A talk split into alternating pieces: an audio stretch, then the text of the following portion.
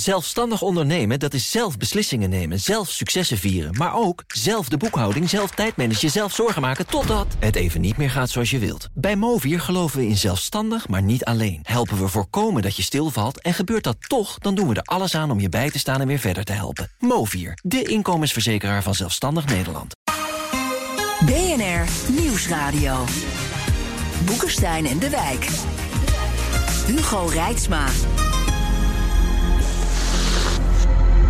Eerlijk zijn over oorlog.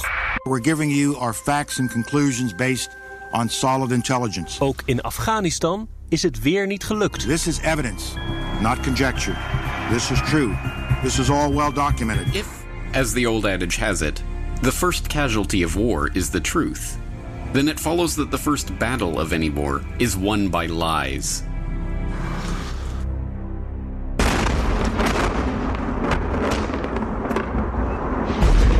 Welkom bij Boekenstein en de Wijk op zoek naar de nieuwe wereldorde. Met in de studio Havik Arend-Jan Boekenstein.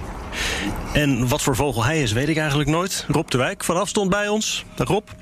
Een uil. Ja, van een hele. Ja. Een wijze uil. Ik dacht een hippe vogel.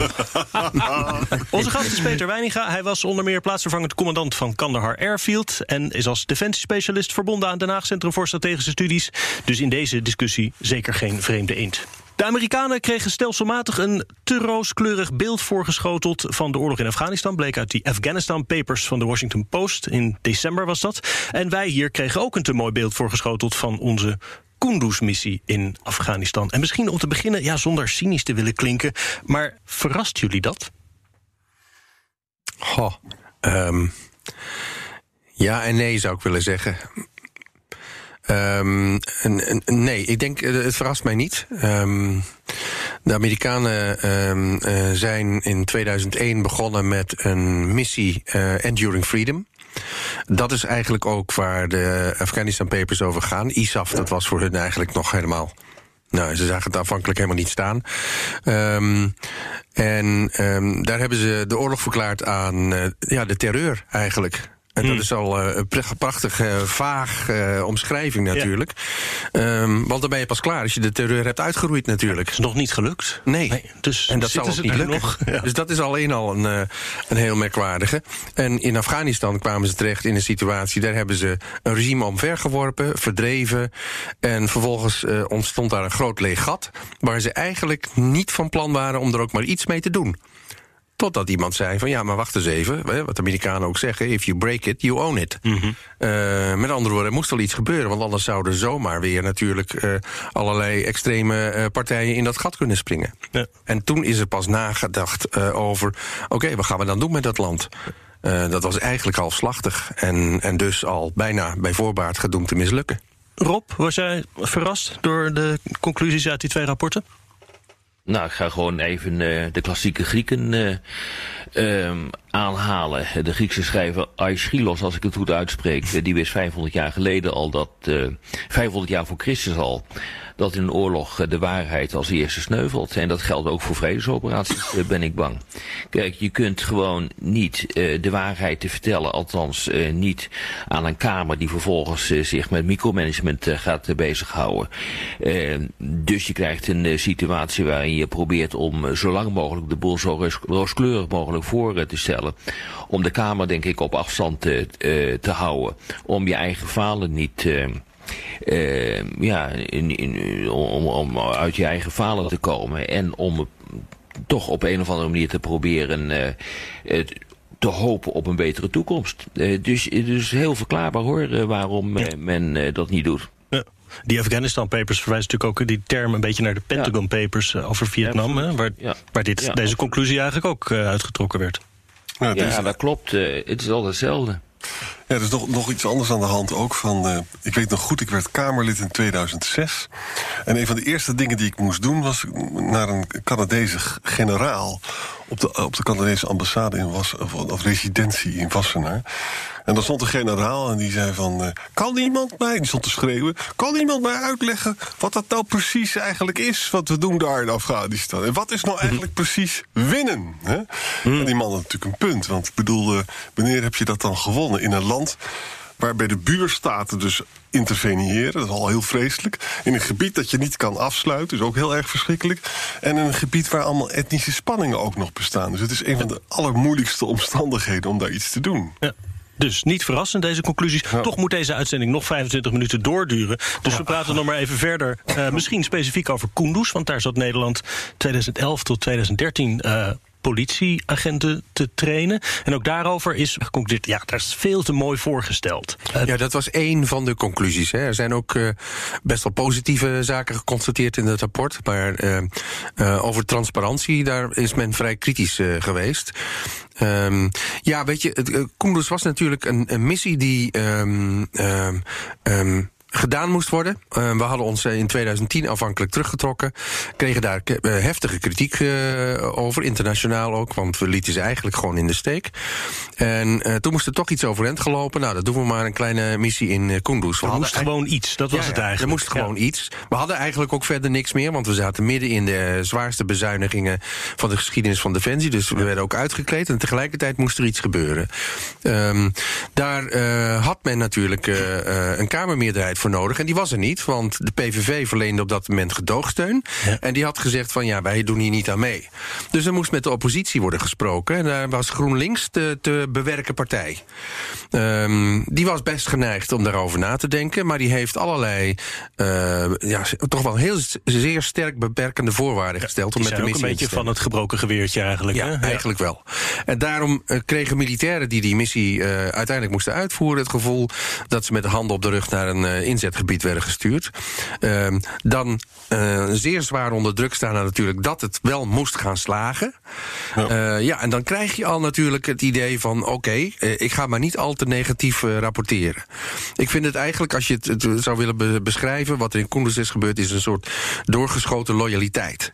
men wil de bazen niet afvallen, dus men gaat er rapporteren... en men vergeet daarbij even te melden dat er de lui die men heeft opgeleid... dat er al de helft van is afgevallen bij wijze van spreken. Dat een paar koks ook certificaten hebben gekregen. En, zo zijn er nog wat van dat soort voorbeeldjes. Dus um, ja, en um, dan kun je zeggen, de missie is mislukt. Nou, als je het rapport nu leest, vind ik eigenlijk dat, dat daarin wordt geconcludeerd dat die missie niet mislukt is. Um, er is eigenlijk zeer goed werk verricht. Er worden zelfs aanbevelingen gedaan om bepaalde zaken weer op dezelfde manier, in een volgend geval, op te pakken. Dus het valt in die zin wel mee. wat natuurlijk het, het vervelende is, is dat men weer is weggegaan voordat het werk af was. Um, en dan kun je überhaupt afvragen of je uh, zoiets in twee jaar uh, gedaan krijgt. Ik denk ja. het niet. Is Kunduz eigenlijk alweer in handen van de Taliban? Of deels, geloof ik, hè? Um, um, ik weet het eigenlijk niet precies. Maar. Ja, deels, uh, laat ik zo zeggen, wat men daar heeft achtergelaten werkt tot, eh, op, eh, nou, tot op enige hoogte nog steeds. Structuren, uh, politie en het overleg ook met juridische autoriteiten, zeg maar. Het ja. OM zou je moeten zeggen daar. Um, dat is ook destijds ook de insteek geweest. Dat is een van de goede punten van, van de operatie in Kunduz. Maar weet je, het verwatert. Uh, want je moet er eigenlijk ja, veel langer bovenop blijven zitten. Rob? Maar het is misschien toch nog wel even aardig om terug te gaan naar die tijd. Omdat uh, inderdaad GroenLinks heeft hier een hele bijzondere rol gespeeld. Realiseer je dat achter de schermen GroenLinks, uh, volgens mij was het Jolanda Sap die toen voorzitter mm -hmm. was, mm -hmm. ja. is achter de schermen akkoord gegaan met de verlenging van een beperkte missie in Oeruzkan. Maar toen er op een gegeven ogenblik zicht kwam om mee te regeren... Uh, en er heel goed uh, gediscussieerd is met de achterban van uh, GroenLinks. Toen is dat totaal van de rails gelopen. Toen is Oerskan is, is feitelijk niet doorgegaan. En toen is de zaak verschoven naar een politiemissie in Kunduz. En toen heeft GroenLinks de meest krankzinnige uh, randvoorwaarden gesteld. Waardoor eigenlijk die missie bij, voor, uh, uh, bij voorbaat gewoon niet goed kon gaan. Dat die politieagenten niet offensief mochten worden ingebruikt. En, ook niet, en buiten Kunduz en allemaal offensieve ja. doeleinden worden ja. ingezet. Nederland zou moeten gaan bepalen waar ze moesten worden ingezet. Ja. Maar dat was wel lastig. Uh, omdat er gebieden waren waar die agenten moesten worden ingezet van Nederland helemaal niet durfden te komen. En ook niet kon komen, dat het onveilig uh, was. En hoezo dan? Uh, alleen maar voor defensieve uh, doeleinden. er moest een volgsysteem komen. Nou, dat was erg lastig om een volgsysteem te, te maken. Oh ja, het Omdat veel agenten, veel agenten die heten bijvoorbeeld Jan Mohammed. en ze waren, en, en en ze waren gek genoeg ook nog een keer op dezelfde datum geboren. En dat hield, um, dat hield onder andere verband met het feit dat, dat, dat mensen gewoon niet konden lezen en schrijven. En er geen deugdelijke bevolkingsregisters uh, uh, waren. Dus men deed maar wat. Wat er dus gebeurd is, is dat de Haagse werkelijkheid, die is tot norm verklaard. En dat is de werkelijkheid uh, die van toepassing is uh, verklaard door Oeruzkan. Of, en, oh, sorry, op Kunduz. Nou, dat kan natuurlijk gewoon niet. Want ik kan je melden dat Kunduz niet hetzelfde is inderdaad als Den Haag. Zelfs niet op oudejaarsavond. Ja, maar ik snap dat wel. Maar dan is het toch aan Defensie om te zeggen... ja, GroenLinks, dat, dat, is leuk, nee, maar dat kan waren, niet. Er waren te, nee, er waren te grote belangen op dat, dat moment ja. in het spel. Realiseer je dat dat de tijd was... dat Nederland heel erg trots was op het feit dat ze mocht aanschuiven bij de G20. Hmm. Door, uh, doordat ze weg zijn gegaan uit, uh, uit Oerskan, is eigenlijk uh, Nederland uit de G20 gegooid. En dat heeft echt grote consequenties, heeft dat gehad. Maar... Wouter Bos heeft daarna nog gezegd van dat is helemaal niet zo. Maar uit de, uit de, de Wikileaks is gebleken dat het wel degelijk zo is. Ja. Maar zeg je dan, de belangen waren te groot om het eerlijke verhaal te vertellen? Nee, dat is, ligt de belangen waren te groot om er niet naartoe te gaan. Exact. Dus er moest een missie komen. Er moest een missie ja. komen. Maakt niet, uh, maakt niet uit wat voor missie, linksom of rechtsom. Een politiemissie. Nederland moest gewoon aanwezig zijn in Afghanistan. Ja. Want we waren een slechte bondgenoot geworden. Maar, dat, maar dat was ook wel iets merkwaardigs aan de hand. Kijk, Rutte zat aan de keukentafel van uh, Jolande Sap ongeveer. Hè? En die zei van, nou, ik heb je steun nodig, want de PVV laat ons zitten. En die was bereid om alles te ondertekenen. En Rutte is zelfs zo ver gegaan, zoals Rob uh, vertelde... dat zo'n krankzinnig agentenvolgsysteem. Moet je je voorstellen, je moet dus die jongens volgen... want ze mogen niet gaan knallen op de... Uh, dat is natuurlijk krankzinnig, hè? En ik vind wel dat je op dat moment had Rutte ook kunnen zeggen van... jongens, dit is echt onzin. Ja. Volgens mij is ja, Koenders een beetje Jan, anders. De belangen waren te groot. De wa ja. belangen waren te groot eigenlijk, Jan. Dat weet jij als geen, ja. geen ander als uh, voormalig Kamerlid. Defensie heeft het wel gezegd, hoor. Want er is uh, een zuiver militair advies gegeven. Oh. Um, de vraag is alleen, wat, wat gebeurt daar dan mee? Hè? Ik bedoel, als er dan wordt gezegd, ja, dat is prachtig... maar het moet toch op de manier zoals de Kamer dat aangeeft. Er gaat dan een militair advies naar de minister van Defensie. Ja. ja. ja. ja. En dan je... wordt het vervolgens politiek. Ja. En dan wordt het politiek, want die gaat daar naar kijken. En die denkt, oeh. Maar nu is er een interessante parallel. Ja. Weet je, bij de Irak heb ik heel erg meegemaakt. Als, de, de, dat werd in de brief van de Defensie, een ontzettend goede brief was dat, werd het gewoon frank en vrij gezegd: we gaan daar vechten. Ja, artikel 100 brief. Ja, en ja. later moest Koenders maakte daar ook wederopbouw van, dat hij weer nodig voor zijn achterban. Ja. Maar het was vrij duidelijk wat we in Irak gingen doen. Hè. Bij Koenders was het natuurlijk zo dat inderdaad de belangen waren heel hoog. was veel versluierende. Het advies van Defensie is natuurlijk niet gepubliceerd. Nee. En dat, eerlijk gezegd, daardoor maken we steeds weer dezelfde fout als je in een politiek moeilijke situatie zit. Boekenstein en de Wijk. Op zoek naar de nieuwe wereldorde. Dit is Boekenstein en de Wijk. En dat programma is natuurlijk niet zonder Arend-Jan Boekenstein en Rob de Wijk. Mijn naam is Hugo Reitsma. En onze gast is oud-luchtmachtcommandant en defensiespecialist... verbonden aan HCSS, Peter Weininga. En u diende ook in, in Kandahar. En Ja. Dat was in die tijd van die eerdere van Oeruz, de Oeruzgan-missie. Hè? Ja, 2008 was dat. Ja. Is daar wel een eerlijk beeld over geschetst, over die missie? Over Oeruzgan? Um, ja, ik geloof het uh, eigenlijk wel. Dat was natuurlijk een missie met een veel ruimer mandaat. Daar hoefde men zich niet in een enorm... Uh, in een dwangbuis uh, te wurmen, zeg maar. Um, keihard geknokt. Daar is keihard geknokt. Waar men niet...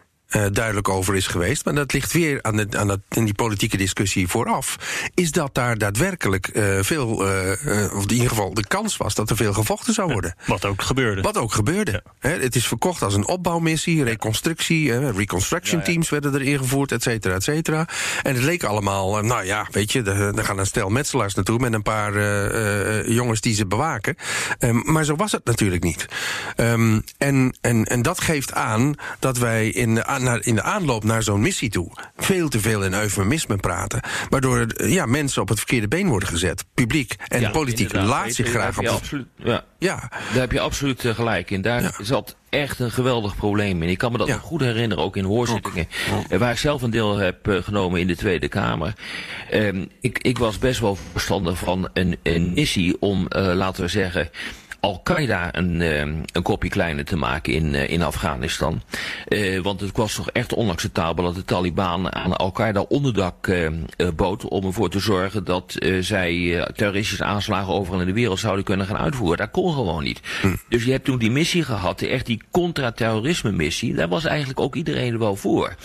Vervolgens eh, begon er een discussie te ontstaan over een soort wederopbouwmissie. Om, laten we zeggen, van Afghanistan een soort Denemarken of Nederland te maken. Ja, nou, ja. dat, is natuurlijk bij, dat is natuurlijk bij voorbaat eh eh, Ja. gedoemd te mislukken. Realiseer je eh, dat ik ben zelf vele malen in Afghanistan geweest. eh, dat doet tamelijk middeleeuws aan. Als je in staat bent om dat eh, land van donkere middeleeuwen tot, laten we zeggen, de verlichting drie, vierhonderd jaar later eh, op te krikken, dan heb je een mega succes eh, geboekt, maar dan heb je nog steeds 200, 300 jaar te gaan. Dus Ja. het kan helemaal niet wat daar gebeurd is. nee, ik denk het ook. Het land hangt van loshand aan elkaar. Het is heel tribaal. Ja. Er wordt wel gezegd, eh, het, is een- het systeem is corrupt. Nee, corruptie is het systeem. Ja. Eh, al van oudsher. Je, je eigen clan is veel belangrijker. Eh, je eigen stam, et cetera. Daar doe je allerlei dingen voor. En daar, he- de, de baas daarvan is ook een warlord. Hè? Ik bedoel, dat is geen modern begrip of zo. Dat bestaat al honderden jaren daar. En, eh, en wij hebben dat land beschouwd als een nazistaat. Zelfs toen er een koning was. Hè? Die koning die werd hooguit gedoogd door stammen. En als je niet deed wat, eh, wat zij zeiden... dan werd die koning gewipt of een kopje kleiner gemaakt. Ja. Dus, eh, en wij maken daar nu een nazistaat van, of hebben dat geprobeerd althans. Er moet een, eh, een eh, parlement komen naar westers model. Eh, Er moeten vooral veel meisjes naar school en vrouwen in het parlement. Ik bedoel, ik zeg niet dat dat slechte zaken zijn, hè, maar het is de vraag of dat nou precies datgene was waar het land op zat te wachten. Peter, dit is ook precies het probleem wat geconstateerd wordt in de Afghanistan-paper... die Ja. door Ja. de Washington Post Precies, ja. ja. zijn geopenbaard. Daarin werd gezegd van oké, ze zijn er naartoe gegaan en de Amerikaanse militairen hadden geen clue wat ze daar Nee. moesten doen. Nee. Ze hadden geen enkel idee van hoe dat land in elkaar zit, hoe je moest proberen om eh, daar enige effect te sorteren. En ik moet zeggen dat in Oeruzkan eh, Nederland dat eigenlijk nog niet zo slecht heeft gedaan. Nee, dat klopt. Want dat was een van de, dat was een ongelooflijk goede eh, samenwerking. Ja. tussen buitenlandse zaken, inlichtingendiensten en, ehm, en de militairen. Ja. Dat, dat ging echt heel erg goed. En dus men had een goed beeld en men probeerde daar zoveel mogelijk effecten te sorteren. Er was ook een heel ehm, systeem voor eh, bedacht om te kijken hoe je die effecten kon meten. Dat was tamelijk uniek en daar is ook, eh, daar is ook goed naar gekeken. Maar ja, als je vervolgens weer weggaat, dan stort natuurlijk de zaak weer in. ja, precies. Nou, en je zag ook van, eh, met de Amerikanen hadden dus nauwelijks mensen die Dari of Farsi spraken. En je, bij die, bij, bij die eh, Afghanistan papers zie je ook mensen helemaal wanhopig. Wat zijn we hier nou eigenlijk aan het doen? Ze waren buitengewoon agressief. Er werden veel mensen werden gedood. Was veel collaterale schade. Nou, de Amerikanen begrepen zelf ook wel dat dat niet handig was. En wat dat betreft is het toch interessant dat de Nederlanders in Oeruzkan dat veel beter hebben gedaan. Hè? Ook, dat ze, ook, de, ook de Kamerbrief die ertoe geleid heeft, was heel eerlijk over dat er ook geknokt zou moeten worden. Hè? En ik vond ook, ik ben er drie keer geweest, dat je ook echt zag hoe die jongens dan dus. eh, een beetje, dan ga je mee op zo'n patrouille. En dan zie je dus hoe ze spreken met de plaatselijke bevolking. Echt heel. Ik had er enorm respect had ik daarvoor. Het was ook heel ingewikkeld, hè, want er was ook Ja. gewoon een hele eigen stammenstrijd daar. Dus die waren be- daar bezig met een hele andere oorlog. Ja. Van de ene stam, die Ja. was dan van Karzai. Ja, en die klopt. ging dan weer... Ja, En wat daar ook doorheen speelde, dwars door al die stammenverbanden heen, was ehm, waar was jij toen de Russen hier waren? Ja. En aan welke kant stond je? Ja. Eh, dat speelde ook voortdurend een rol. Ehm, En mensen eh, wilden ve- veiligheid hebben. En als de Ja. Taliban meer veiligheid bood dan de, zeg maar de westelijke dat machten, dan, de- dan deed je dat. ja, dan deed je En dat. terwijl we dit allemaal bespreken, was er ook het moment dat dus de broer van Karzai, die had een bank opgericht. En alle miljarden van de Amerikanen gingen via die bank. En al dat geld is gewoon weggesmolten. Nou ja, het, het, laat ik zo zeggen. Jongens, even, maar misschien toch nog even terug aan, Ja. naar de politieke situatie in Nederland. Wat de conclusie is van de discussies eh, tot, tot nu toe. Als je niet weet in wat voor gebied je terechtkomt. Als je geen echte politieke doelstellingen hebt die haalbaar zijn en die ook eerlijk zijn, uh, dan heb je wel een probleem hoor. Ja. En die politieke doelstellingen die klopten niet uh, voor ISAF. Dus de missie uh, die, werd, die eigenlijk in Nederland werd verkocht als een soort wederopbouwmissie. Ja. Wat het feitelijk natuurlijk niet was.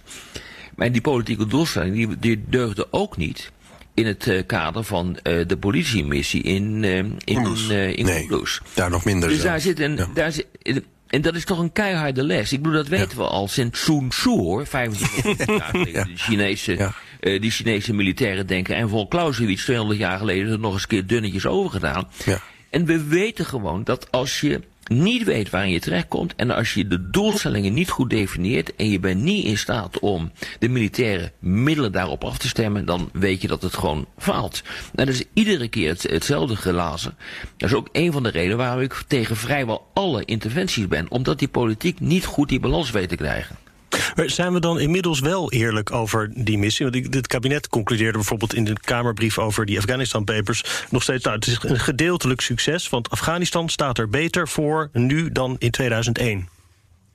Maar niet als je kijkt naar de, naar de Taliban, hoe die zich verspreid heeft over het eh, land. Op een aantal punten is het inderdaad eh, eh, beter. Het is eh, economisch gezien iets beter, eh, maar je moet wel constateren dat sinds 2016 eigenlijk het weer achteruit gaat. Ja. Eh, er gaan inderdaad meer kinderen naar school, dat is absoluut waar. Er zijn meer eh, mobieltjes in het land eh, te Ja. vinden, dat is absoluut waar. Wordt ook gebruikt door de Taliban natuurlijk als een soort command- en controlesysteem. Dus ja, nee, er zijn inderdaad wat, voor, wat, wat, wat vooruitgang geboekt, maar echt heel erg indrukwekkend is het nou ook weer niet hoor. En we moeten ook bedenken de bigger picture. Trump wil daar gewoon weg, jongens. En, en zijn achterban wil dat ook. Dus het gaat gebeuren. Nou, wat, wat gaat dat dan betekenen? Betekent dat de Taliban die zit gewoon lekker te wachten. Ja, dat klopt. Dat gaat inderdaad gebeuren. jongens, er is wel bijna een, eh, een eh, vredesakkoord eh, gesloten. Ja, tussen de Taliban en de Amerikanen. Ja. En De Taliban Ja, weigeren is- vooralsnog met, eh, met, de, met- de Afghaanse regering om de tafel te zitten. Omdat ze die niet Niet erkennen. lang geleden. Ja. Nou, dat is, dat is juist. Maar Ja. er is bijna, na acht, na acht grote rondes, is er, een, eh, is er bijna een, een overeenkomst gesloten tussen de Taliban en Amerika. Eh, de Amerikanen die wilden ook 5000 eh, troepen terugtrekken uit, eh, uit Afghanistan. Dat is in augustus 2019 gebeurd. Maar wat er toen is gebeurd, in september is er een aanslag geweest. Ja. En die aanslag heeft één Amerikaan gedood en elf anderen. En toen heeft Trump de stekker uit het eh, overleg eh, Ja. getrokken. Dat was wel jammer op zich, want hij had, bij, hij had bijna beet hier. Klopt. Eh, eh, inmiddels heeft de Taliban wel gezegd dat ze een eenzijdig eh, eh, staakt het vuren zouden, in acht zouden nemen. De, de, de onderhandelingen, de gesprekken met de Amerikanen zijn ook weer hervat. Ehm, maar waar ik bang voor ben is, kijk, ehm, eh, het is prachtig, een vredesakkoord met de Taliban. Dat is voor Trump de aanleiding om ze allemaal naar huis te brengen. Bring the troops home. Dat maakt hem thuis populair. Regelt misschien zijn herverkiezing wel tot op zekere hoogte. Ehm, maar Afghanistan laten we dus weer aan zijn lot over. Daar gaat de, situatie weer ontstaan zoals die in 96 ontstaan was. Met een Taliban-regering die zich niets aantrekt van de afspraken die zijn gemaakt. eh, niets van de rechten van vrouwen en, en meisjes, eh et Plus, cetera. plus het punt van. eh, ja, luister, ze zit, de, de, de Taliban zit daar. De helft van het land hebben ze in hun bezit. De helft. Hè. Na 18 jaar hebben ze de helft van het land nog steeds. Of althans weer. Nou, dat betekent dat ze kunnen wachten. Pakistan, die natuurlijk altijd een dubbele kaart heeft in dit hele die is nu bezig met een muur. Daar praat niemand over. Om Waziristan af te sluiten met, eh, met Afghanistan. Dat gaat de Pakistanen duur komen te staan. Want die Ja. trekken ze dus dwars door Pashtoen-gebied. Ja. Dat is het grote probleem.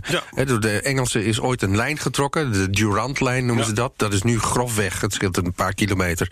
de grens tussen Afghanistan en Pakistan. Maar die is dwars door Pashtoen-gebied getrokken. Dat is ook het grote probleem. Die grens is zo lekker als een allemaal mee begonnen, 1905. Ja. Maar luister eens, ik, ik denk eerlijk gezegd dat nog steeds de Taliban heeft de tijd. Ja. ze weten ook hoe ze moeten knokken. En de Taliban heeft ook gezegd... van, wij willen helemaal niet met die regering in, in Kabul... eh, Nee, willen ze weg hebben. We willen Ja. er zelf gaan zitten. Ja.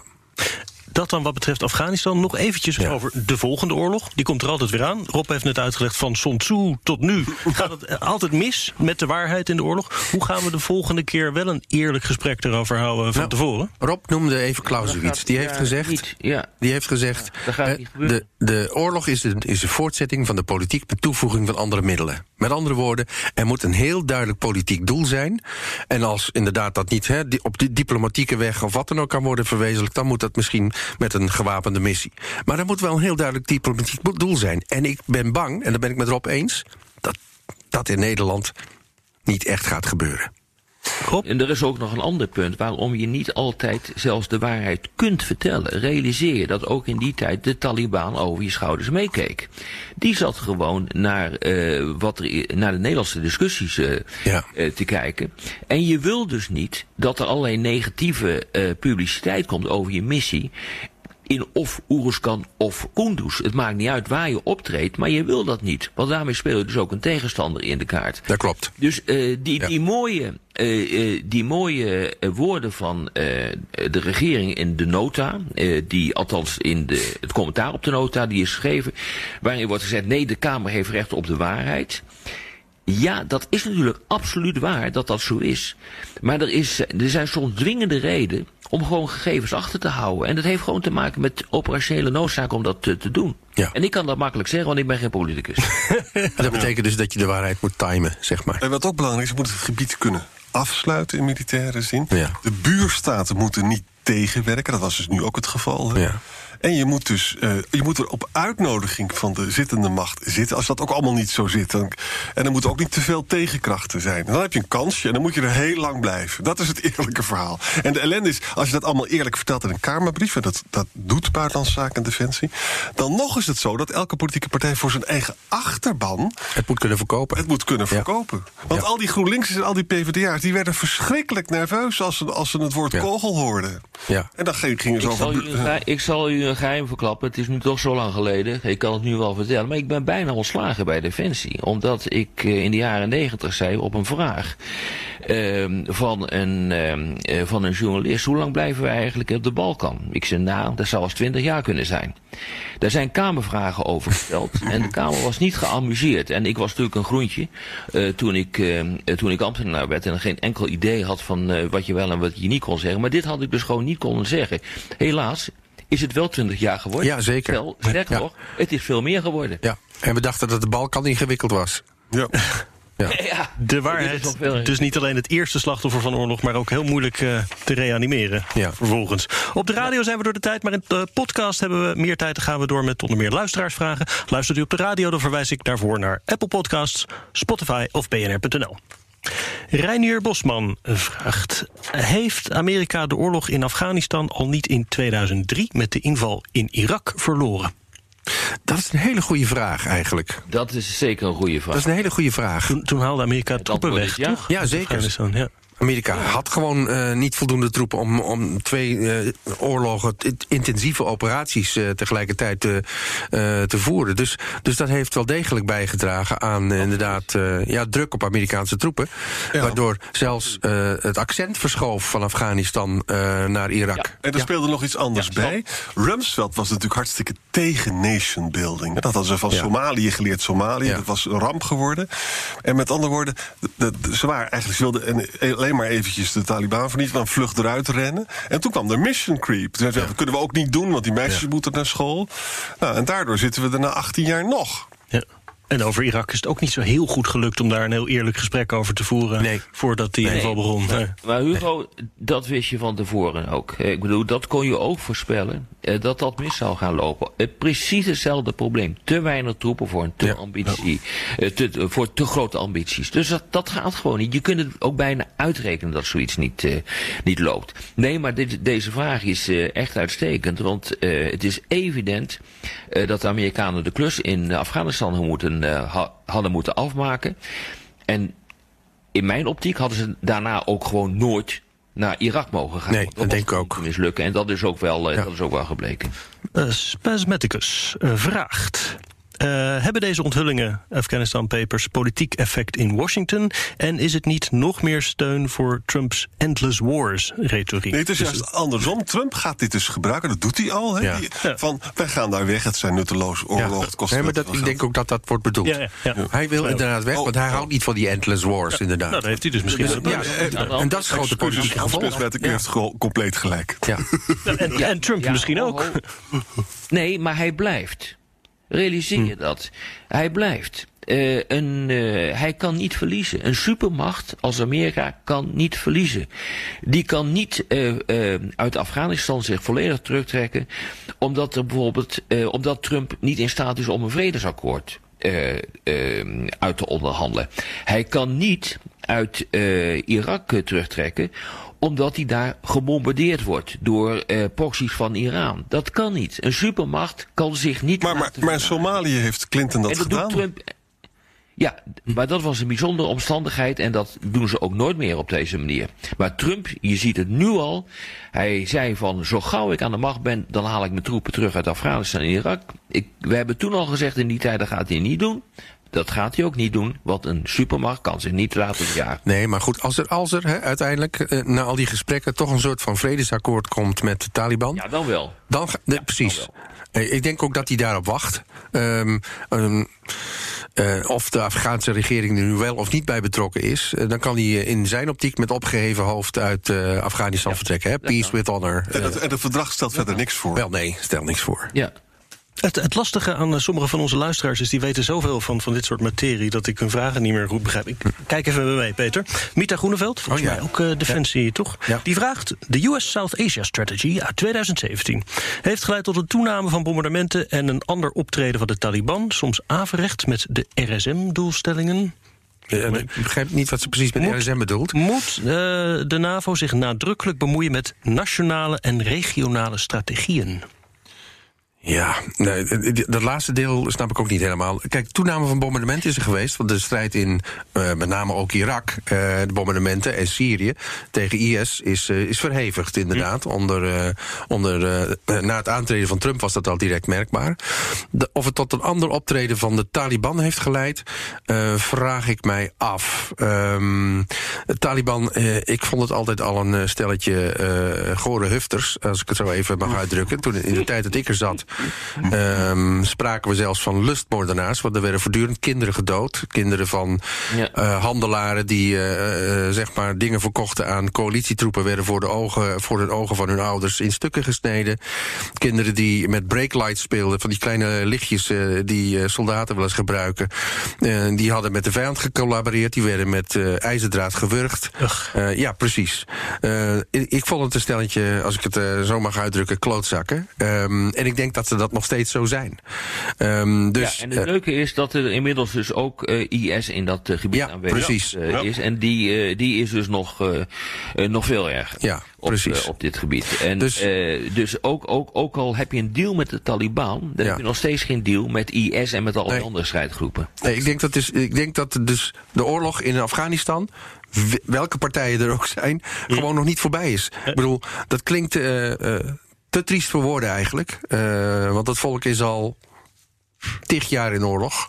40, 50. Ja, ja, ja. Eerst de Russen. Eerst de Russen, ja, precies. Het is nooit, sinds de Russen is het niet meer rustig Terwijl het daarvoor zo'n prachtig land was, toch? Jaren zeventig, eh, voor de Russische Ja, heel Europa zat in, eh, in Afghanistan en kwam terug met van die Afghaanse jassen. En eh, Ja. flink veel doop Ja. natuurlijk. Eh, Die vonden het allemaal prachtig. Ja, en misschien ooit nog eens. Ja. Lodewijk Hof vraagt... wat maakt dat de oorlog in Afghanistan gewonnen gaat worden? Dat is eigenlijk de beste vraag die je kan stellen. En, en het feit dat we daar geen antwoord op weten, betekent dat hier dus iets verschrikkelijks mis is gegaan. Nee, nee, nee. Het heeft ook te maken met de aard van het eh, conflict. Ja. Eh, dit is een zogenaamde irreguliere strijd, waar niet eh, zeg maar normale strijdkrachten zoals we die in Europa kennen tegenover elkaar staan. Dit, zijn, dit zijn guerrilla's, dit zijn terroristen. En daar kun je niet van winnen. Het enige hoe je dit op kan lossen, blijkt uit de geschiedenis, is proberen te komen tot een politiek vergelijk. Ja. En dat kan alleen maar op het moment dat de Taliban eigenlijk op zijn gat ligt. En, en, en tot de conclusie komt van ik kan maar beter vrede sluiten dan doorvechten. Uh, dat is historisch gezien wat hier gebeurt. Dus je kan dit gewoon militair gezien niet winnen. En omgekeerd kan de Taliban ook niet winnen nee. van de Amerikanen of de hm. NAVO. Ja. Nee.